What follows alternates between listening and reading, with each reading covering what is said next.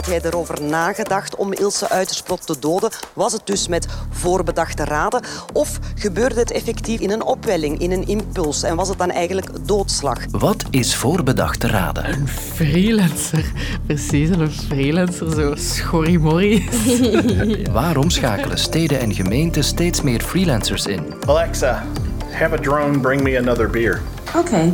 AI, dat zou zijn als je thuiskomt en je frigo zit plots in je zetel bij van spreken en, je- en, en heeft je deur op slot gedaan Ja. en je kunt niet meer binnen. En hoe wil Europa ons beschermen tegen de gevaren van artificiële intelligentie? Drie vragen en over een kwartier hopelijk ook drie goede antwoorden zonder tussenkomst van een computerbrein. Ik ben Lode Roels, welkom. Het proces Uitersprot zal je de afgelopen dagen wellicht niet ontgaan zijn. Op 4 augustus 2020 doodde Jurgen de Mesmaker zijn toenmalige vriendin Ilse Uitersprot, ex-burgemeester van Aalst. Gisteravond viel er een belangrijke beslissing van de assisejury in deze zaak. En dan is er toch een gevoel van opluchting en gerechtigheid wanneer die jury naar buiten komt met het hof en dat het wel degelijk moord met voorbedachtheid is. De jury besliste dat de mesmaker met voorbedachte raden handelde en dat er dus sprake is van moord. Maar wat betekent dat nu eigenlijk? Wat is de wettelijke definitie van voorbedachte raden? Een vraag voor advocaat Jan de Man. De wet zegt niet expliciet wat er moet begrepen worden onder voorbedachte raden. Het strafwetboek vermeldt alleen de, de zwaarste misdrijven en die zegt doodslag betekent iemand doden met het speciaal of het specifiek inzicht om te doden. En in een volgend artikel zegt het strafwetboek wanneer die doodslag met voorbedachte raden wordt gepleegd, dan spreekt men over moord. Dus de strafwet voorziet geen specifieke definitie van dat begrip. En dat heeft als gevolg gehad dat men jarenlang en nu nog steeds moet voortgaan op wat de rechtspraak daarvoor ingevuld heeft van dat begrip. Ja, dat is natuurlijk een discussie die regelmatig terugkomt, precies omdat de strafwet eh, niet duidelijk zegt wat voorbedachte raden is en de rechtspraak het heeft moeten invullen. Maar het antwoord ja, daarop is, ja, het is eigenlijk een heel eenvoudig begrip, want het woord zegt het zelf. hè. Je moet het voorbedacht hebben en je, je moet er een, een beslissing over genomen hebben. Een groot discussiepunt dus in de juridische wereld. Maar hij zegt het zelf, eigenlijk is het nogthans een eenvoudig begrip. Want in de psychiatrie is er een duidelijk onderscheid. Ik ben Rudy Vrelst, ik ben forensisch psychiater, actief aan het Universitair Ziekenhuis te Leuven. Deze man kan dus perfect uitleggen wat het verschil is tussen een dader die zich impulsief gedraagt en iemand die met voorbedachte raden handelt. Wanneer we kijken naar het denkmechanisme bij een dader die eh, ja, met voorbedachte raden eh, handelt, ja, die man gaat, of die vrouw gaat een plan hebben. Hè. Die gaat een plan hebben om een doel te bereiken en gaat dat plan uitwerken. Bij niet voorbedachte raden, dus bij, mate, bij een grote mate van impulsiviteit, gaat in het hoofd van de dader iets gebeuren. Die gaat reageren op een situatie die bij hem bepaalde gevoelens oproept en die gaat daar dan op reageren. Het kan zijn omwille van eh, kwaadheid, omwille van wraakgevoelens, omwille van jaloezie en men gaat heel snel, zonder eh, vooropgesteld plan, daarop reageren. En die impulsen, daar ben ook ik blijkbaar vatbaar voor.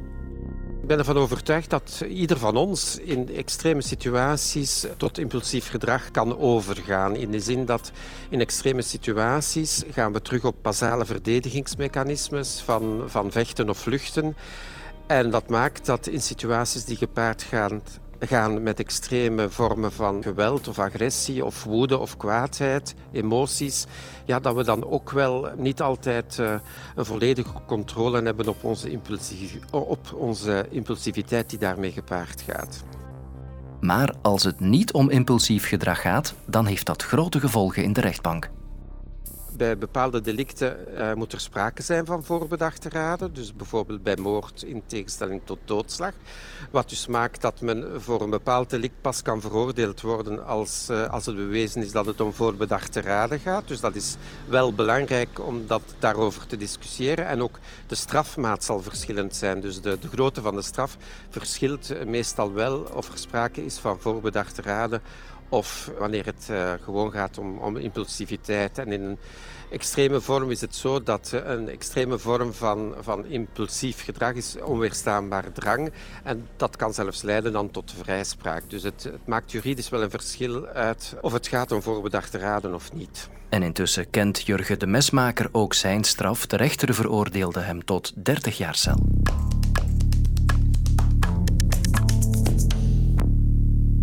Ik kom mijn reispas aanvragen, alsjeblieft. Ja, heb je fotootjes bij? Ja. In steden en gemeenten werken steeds vaker freelancers. Ze bemannen bijvoorbeeld OCMW-diensten, gaan aan de slag als mobiliteitsexperten of beoordelen zelfs bouwvergunningen, hoorden we vanochtend in het nieuws. Maar waarom is dat zo? Nathalie de Bast is woordvoerder van de Vlaamse Vereniging van Steden en Gemeenten. En zij ziet wel een paar verklaringen. Lokale besturen zijn natuurlijk ook slachtoffer van de krapte op de arbeidsmarkt. Zij worden natuurlijk heel vaak aangesproken, krijgen doorheen de jaren ook meer en meer bevoegdheden. Nu, op zich is dat geen slechte zaak, omdat ze natuurlijk ook heel goed geplaatst zijn. Maar wat we ook zien is natuurlijk dat centrale overheden meer en meer een beroep doen op lokale besturen, hen ook bevoegdheden door geven, maar niet altijd denken aan de middelen en de mensen die nodig zijn om die taken ook op een kwaliteitsvolle manier te volbrengen. Bij de lokale besturen komt er ook nog bij dat er tussen nu en tien jaar één op vier medewerkers met pensioen gaan. Dus dat betekent ja, dat, dat de vraag ook al maar zal uh, toenemen. Ik belde ook met Steven de Vos. Timing is alles. Op de seconde zit ik neer. Tussen twee meetings door had hij tijd om te vertellen over zijn bedrijf Public Staffing. Dat stuurt mensen uit naar steden en gemeenten om daar tijdelijk aan de slag te gaan. Onze dienstverlening bestaat ook nog maar een kleine twee jaar. Maar is er voornamelijk gekomen van bij ons uit als reactie op klanten die functies echt heel moeilijk ingevuld kregen en, en aan ons echt de vraag begonnen stellen van oké, zoek verder alsjeblieft, maar kunnen jullie iemand plaatsen die ons echt uit de nood kan komen helpen? Boekhouders, juristen, leidinggevende, projectleiders en andere tientallen profielen die werken hier samen om van de stad Antwerpen een nog straffere stad te maken. Ambtenaar, dat was men tot op zijn pensioen. Um, momenteel merken wij vrij duidelijk in de statistieken dat die beweeglijkheid net zoals in de commerciële sector aanwezig is. Hè. Wie tien jaar blijft, dat is een succes.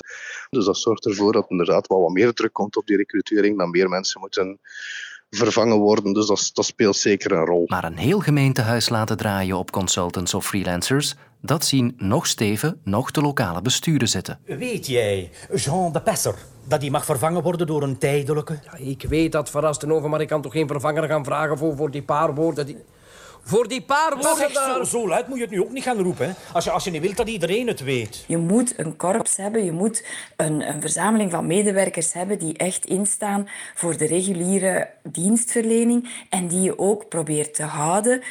En zodanig dat de know-how die er is, dat die ook binnen de organisatie kan blijven. Het is zeker niet ons opzet om, om structureel verbonden te blijven aan. Onze mensen zoeken variatie en vandaar ook dat we die, die rotatie en zo verder ook belangrijk vinden. Dat zij om de zoveel tijd een nieuwe uitdaging kunnen aangaan bij, bij een nieuwe een nieuw lokaal bestuur. Om alles in evenwicht te houden, moeten er dus nieuwe, vaste werkkrachten naar de steden en gemeenten. En daar heeft de VVSG een plan voor bedacht. Dat heeft verschillende facetten. Dat gaat van het verhogen van zijinstroom, ook betere en makkelijkere sollicitatieprocedures, ook een beter HR-beleid voeren, dus flexibeler mensen in kunnen zetten. En het is daarbij ook zaak om mensen te overtuigen van de troeven van werken bij een lokaal bestuur. Ik werk graag voor het lokaal bestuur van Wustwezel. In ons dienstcentrum is iedereen welkom. Ik mag hier mensen ontmoeten, voor hen zorgen en een verschil maken in hun dagelijks leven. Ze pakken te weinig uit met de troeven die ze hebben, waardoor dat die oude gedachten nog blijven leven in de geesten van mensen, dat het allemaal hele logge organisaties zijn. En dat is dus wat we willen keren door een actieplan wat we hebben opgezet om samen met de steden en gemeenten voor die verandering te zorgen. Het Europees Parlement debatteert vandaag over de Artificial Intelligence Act. Die nieuwe wetgeving moet burgers beschermen tegen de risico's van AI, oftewel artificiële intelligentie. Dat neemt een steeds belangrijker plaats in in ons leven. Denk bijvoorbeeld maar aan de automatische chatbots op de website van je energieleverancier. Welkom op de chat van Engie België. Je spreekt met de chatbot van Engie. Waarmee kan ik je helpen vandaag? Zelfrijdende wagens. Ik ga nu inhalen en hij Hij zoekt zelf het plekje op. En dan zet de knipperlicht weer netjes uit. Of de toestellen in je huis. Boodschappenlijstje, appels, vleesvergen, chocola, ingevoegd. Allemaal voorbeelden van autonome technologie waar geen menselijke tussenkomst meer nodig is. Handig, dat wel, maar niet zonder gevaar. En als ik daaraan denk, slaat mijn fantasie meteen op hol en komt dit naar boven. You are Terminator, right? Yes. Cyberdyne Systems Model 101. I'm a cybernetic organism, living tissue over a metal endoskeleton. My mission is to protect you. Fragment is het uit de filmreeks Terminator, het verhaal van zelfstandig geworden machines die de mensheid willen vernietigen. Zo'n vaart loopt het niet, hopelijk. Maar waar zitten de risico's dan wel? En wat is het plan van de EU? Hallo? Meneer Martens, goedemiddag. Lode Roels hier. David Martens is professor aan de Universiteit Antwerpen en doet onderzoek naar de ethische aspecten van AI.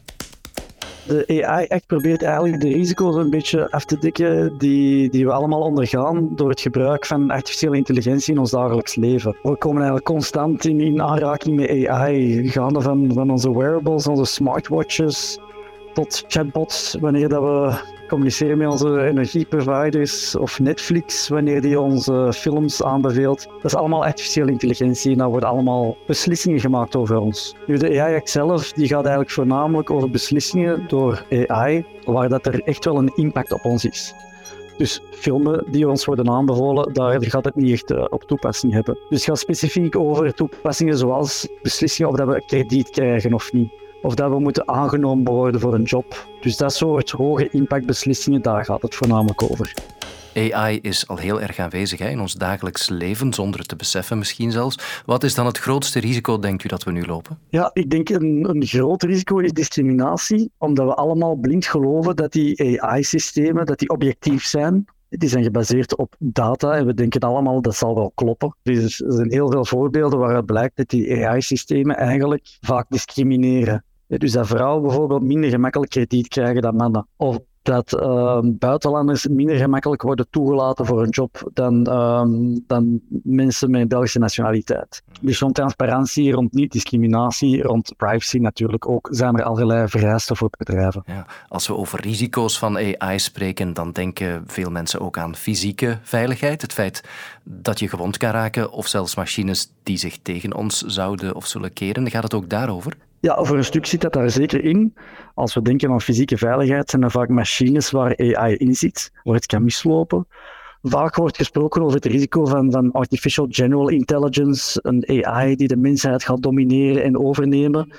Maar dat is eigenlijk echt iets science fiction in, in de verre toekomst. De, de risico's op korte termijn zijn veel belangrijker, zoals dat fairness, privacy, transparantie. En dat zijn net degenen die door de AI worden gecoverd. Hoe wil de Europese Unie dat dan concreet aanpakken? Wel, ze maken een onderscheid dus tussen vier verschillende niveaus van toepassingen, voornamelijk van het risico en dus de impact op ons leven. Uh, sommige toepassingen worden gewoon verboden. Um, zoals social credit scoring, wat ze in, in China doen. Hè, de overheid die allemaal een, een sociale creditscore geeft. Die zegt hoe goed dat je bent als burger. Daaronder is hoog risico. En dat zijn toepassingen zoals creditscoring, waar ik het over had, of uh, bij recrutering. En dan heb je nog lagere uh, risicotoepassingen, zoals deepfakes. Hè, zo valse foto's. En daarbij zeggen ze van wel, daar moet je aangeven dat het een deepfake is. Dat mensen weten dat, dat het geen echte foto is. En dan um, het laagste risico zijn zaken zoals uh, spamfilters. Dus daar is er geen risico en eigenlijk zijn daar ook geen voorwaarden dan opgelegd uh, door de AI-act. Vindt u het een goede zaak dat er Europese regels komen? Ja, zeker weten. Ik denk dat we gewoon allemaal als, als samenleving um, begrijpen dat er risico's zijn. Ik denk iedereen heeft al lang gezien de gigantische impact dat AI heeft. En we kunnen niet rekenen op bedrijven om, om te zorgen dat ze ethisch zijn. Er zijn zoveel voorbeelden waar het is misgelopen. De overheid is simpelweg nodig om ons te zeggen wat zijn nu de, de, de vereisten omtrent zo'n systemen dat alles goed loopt. Zodanig dat bedrijven daar ook eenduidig zelf weten wat ze moeten doen en daarmee verder kunnen. Ja, en jij kan intussen ook verder, hoop ik, met de drie antwoorden op onze vragen van dit kwartier. Morgen brengt Sophie drie nieuwe verhalen. Hoeveel quizvragen kunnen twee bekende deelnemers beantwoorden in een zotte quiz vol bloopers en anekdotes uit 40 jaar Studio Brussel? Quiz Quiz Hoera met Eva de Roo. Nu in de app van VRT Max.